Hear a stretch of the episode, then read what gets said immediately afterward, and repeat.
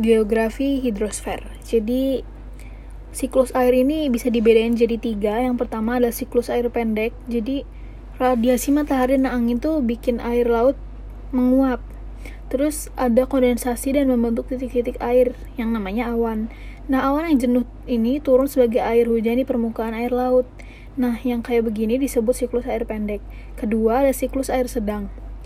Jadi, air laut ini mengalami penguapan, terus ada kondensasi dan membentuk awan. Nah, awan yang tertiup angin dan ke bawah ke daratan itu jadi hujan di daratan. Nah, sebagian air hujan tuh bakal meresap ke dalam tanah, mengalir ke permukaan dan akhirnya menuju laut. Nah, yang kayak gini itu disebut air sedang. Siklus air sedang. Terus ketiga ada siklus air panjang. Jadi air lautnya ini menguap terus kondensasi membentuk awan. Awan ini ke bawah ke daratan terus jadi hujan berupa hujan salju dan es. Terus salju dan esnya ini akhirnya mengendap di permukaan tanah, terus di musim semi mulai mencair. Air ini ter kemudian sebagian bakal meresap ke tanah, sebagian juga bakal mengalir ke permukaan tanah dan akhirnya menuju laut. Nah, terjadinya siklus air ini tuh disebabkan karena proses-proses meteo meteorologis dan klimatologis. Contohnya yang pertama, evaporasi yaitu proses berubahnya air jadi gas atau uap air. Terus ada transpirasi yaitu air yang dimanfaatin buat pertumbuhan tanaman dan di, diuapkan melalui stomata. Terus ada kondensasi yaitu proses berubah wujud dari uap air jadi titik-titik air. Terus angin yaitu udara yang bergerak dari tekanan maksimum maksimum ke tekanan minimum. Terus ada presipitasi yaitu jatuhnya hidrometeor ke permukaan bumi bisa berupa air, salju maupun es. Terus ada infiltrasi yaitu proses perembesan air ke dalam lapisan tanah lewat pori-pori tanah atau batuan. Ada overland flow, yaitu aliran pada permukaan tanah. Terakhir ada runoff, yaitu aliran air lewat suatu saluran. Lanjut ke perairan darat. Jadi perairan daratan ini bisa berwujud air, es maupun salju, nah macam-macamnya. Itu yang pertama ada perairan tanah. Jadi airnya ini terbagi atas Pertama ada air tanah dangkal atau aquifer bebas jadi terletak di antara lapisan permukaan tanah dengan lapisan batuan kedap air, contohnya air sumur. Kedua ada air tanah dalam atau aquifer terkekang. Jadi lapisan tanah aquifernya tuh terletak di antara dua lapisan batuan kedap air. Nah, jenis lapisan aquifer ini pertama tidak tertekan. Jadi batas batas atasnya tuh muka air tanah. Terus tertekan atau artesis. Jadi airnya ini tertutup dua lapisan kedap air terus ada melayang. Jadi ciri khusus aquifernya ini nggak terbatas. Terus ada semi tertekan yaitu lapisan air tanah yang dibatasi lapisan kedap air. Nah, kalau besar kecilnya infiltrasi atau masuknya air ke dalam tanah itu dipengaruhi. Yang pertama, besarnya curah hujan, kemiringan lereng, tutupan lahan, kadar air yang tersedia, pemampatan pori-pori tanah, perlakuan teknik atau buatan manusia, jenis tanah, serta batuan induk. Terus kalau di kota besar dengan penduduk yang padat itu bisa mengakibatkan eksploitasi air tanah secara besar-besaran dan akhirnya berakibat pada menurunnya kadar air tanah pada lapisan akuifer. Sementara proses infiltrasinya berlangsung sedikit sehingga saat ini tuh banyak dibuat sumur resapan dan biopori buat mempercepat infiltrasi ke bawah permukaan. Terus juga infiltrasi yang rendah bakal um, mengakibatkan adanya laju permukaan air dalam jumlah banyak. Nah, laju infiltrasi yang lambat ini bakal mengakibatkan menggenangnya air di permukaan atau biasa disebut dengan banjir. Terus juga ada parameter banjir yang disebabkan oleh sungai dipengaruhi beberapa faktor yaitu pola aliran, struktur batuan, dan daya tampung sungai. Terus juga perairan darat itu adalah air tanah, sungai, rawa, dan danau. Terus manfaat hutan bagi sistem hidrologis, fungsi hutan Fungsi hidrologis hutan itu adalah ketebalan serasa dan tutupan tajuk. Ketebalan serasa ini bisa menahan laju erosi aliran dan bersihkan dari tetesan hujan. Selain itu, serasa yang terdekomposisi bakal jadi material pembentuk tanah. Sedangkan dahan-dahan semua pohon akan jadi tutupan tajuk yang baik untuk menutupi tanah dari tetesan air hujan secara langsung. Terus sumber-sumber pencemaran air itu ada limbah industri, pengurangan lahan hijau atau hutan terus juga ada limbah pertanian kayak pembakaran lahan dan pestisida. Terus ada limbah pengolahan kayu. Terus ada penggunaan bom oleh nelayan dalam mencari ikan di laut dan rumah tangga. Dampak pencemaran air yang pertama tuh ada menurunkan jumlah oksigen mematikan binatang-binatang di air meningkatkan kecepatan reaksi kimia mengganggu kehidupan binatang dan tumbuhan mengganggu kesuburan tanah, dan mengganggu produksi produktivitas tumbuhan. Terus yang kedua ada perairan permukaan, mulai dari jenis sungainya dulu. Kalau berdasarkan sumber air itu ada sungai hujan, sungai gletser, dan sungai campuran.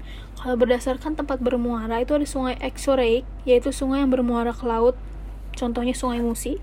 Terus ada juga sungai araic, jadi sungai yang habis di perjalanan atau aliran airnya nggak sampai ke muara. Contohnya sungai Kalada di NTT. Terus ada sungai sungai enduraic, yaitu sungai sungai yang bermuara ke danau. Contohnya sungai Laurenun ke Danau Toba.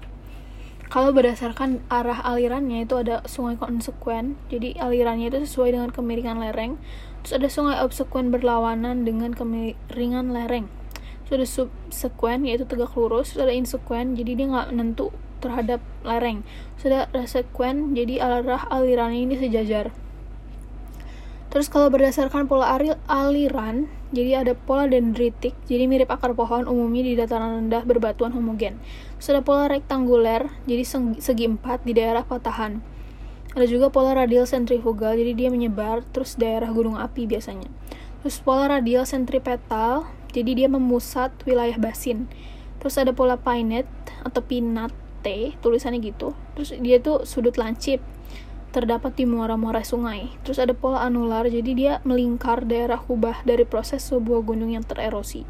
Terus ada pola radial sentripetal, jadi aliran ini mengumpul, wilayahnya ledokan. Kalau berdasarkan struktur geologi itu ada sungai antecedent, jadi sungai yang arah alirannya tetap. Jadi sekalipun ada pengangkatan yang luas, daya erosi sungainya itu mampu mengimbangi daya pengangkatannya. Terus yang kedua ada sungai epigenesa. Jadi sungai ini melintang dengan struktur geologis yang mengikis hingga batuan induknya. Lanjut ke daerah aliran sungai, meander, dan danau. Pertama daerah aliran sungai itu DAS. Jadi bagian-bagian itu ada daerah hulu. Jadi das di hulu sungai ini berbukit-bukit, curam, lerengnya curam. Terus banyak dipakai buat area ladang sayuran, perkebunan, atau hutan yang merupakan daerah penyangga dan banyak pemukimannya di sekitar aliran sungai. Terus ada daerah tengah. Jadi kalau das di tengah sungai ini rel relatif landai, biasanya dipakai buat jalur transportasi. Karena daerahnya datar, daerah ini merupakan pusat aktivitas penduduk. Contohnya pertanian, perdagangan, perindustrian, dan merupakan pusat-pusat permukiman penduduk. Terus daerah hilir. Jadi uh, kalau yang di bagian hilir ini dasnya landai, subur, dan banyak dimanfaatin buat pemukiman dan areal pertanian seperti padi, jagung, dan tanaman kelapa. Jadi kalau dibedain, kalau dari debit banjirnya, das bulu burung itu kecil, kalau das menyebar itu besar, kalau das sejajar itu kecil. Terus kalau waktu dari dilihat dari waktu datangnya banjir, uh, kalau das bulu burung itu datangnya air dari anak-anak sungainya berbeda. Terus kalau das menyebar itu datangnya air relatif sama. Kalau das sejajar itu datangnya air bergantung sama lokasi hujan. Terus kalau dilihat dari waktu berlangsungnya banjir, kalau das bulu burung itu lama, das menyebar itu singkat, das sejajar itu lama. Lanjut ke meander. Jadi meander ini kelok adalah kelokan sungai yang ada di bagian hilir sungai yang terbentuk oleh daya erosi dan daya endap sungai serta homogenitas batuan. Nah, kalau danau, ciri-cirinya tuh ada sirkulasi air, punya gelombang, airnya dalam, luas, dan ada tumbuhan air. Nah, jenis danau berdasarkan proses terbentuknya itu ada danau karst, jadi dia terbentuk oleh erosi pada daerah kapur. Kalau ada, terus ada danau vulkanik, jadi ini danau hasil letusan gunung berapi. Terus ada danau tektonovulkanik, itu karena letusan gunung berapi dan adanya subsidence, contohnya danau Toba. Terus kalau ada juga danau buatan dibentuk oleh manusia, ada danau tapak kuda yang dibentuk akibat pemenggalan meander sungai.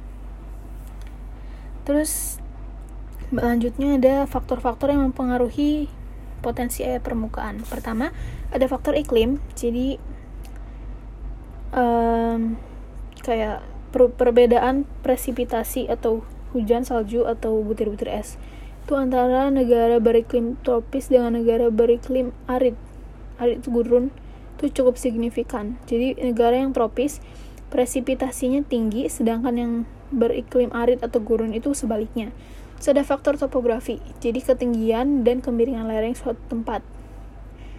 Itu berpengaruh banget karena curah hujan bakal curah hujan akan lebih tinggi di wilayah dataran tinggi. gitu dan sebaliknya.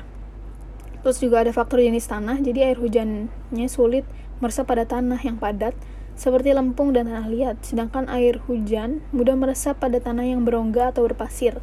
Juga ada faktor karakteristik daerah aliran sungai atau das. Jadi das yang panjang dan luas bakal nangkep hujan yang cukup besar dan berpotensi buat menerima, menyimpan dan mengalirkan air. Gitu. Dan sebaliknya. Terus ada faktor vegetasi. Jadi vegetasi ini berfungsi sebagai reservoir atau tempat menyimpan cadangan-cadangan air di permukaan bumi. Nah, air hujan yang jatuh di wilayah hutan bakal tertahan dulu sama daun dan akar, dan jadinya nggak langsung mengalir ke permukaan tanah. Artinya, banyak vegetasi, maka banyak pula air tanahnya. Selanjutnya, kita membahas perairan laut. Jadi, laut ini salah satu peranannya adalah mengatur iklim dan cuaca. Terus kalau luas laut di bumi itu sampai 70%, sedangkan daratan cuma 30%. Nah, kalau berdasarkan kedalamannya itu dibagi jadi empat. Yang pertama ada zona litoral. Jadi ini kedalamannya 0 meter. Batas pasangnya naik dan turun. Terus ada zona neritik kedalamannya 0 sampai 200 meter. Banyak ikan, sinar mataharinya tuh sampai ke dasar. Terus ada zona batial, jadi kedalaman 200 sampai 2000 meter. Sinar matahari udah nggak bisa tembus. Terus ada zona abisal, jadi kedalamannya lebih dari 2000 meter. Ikannya transparan dan buta karena gelap dan sedikit oksigen.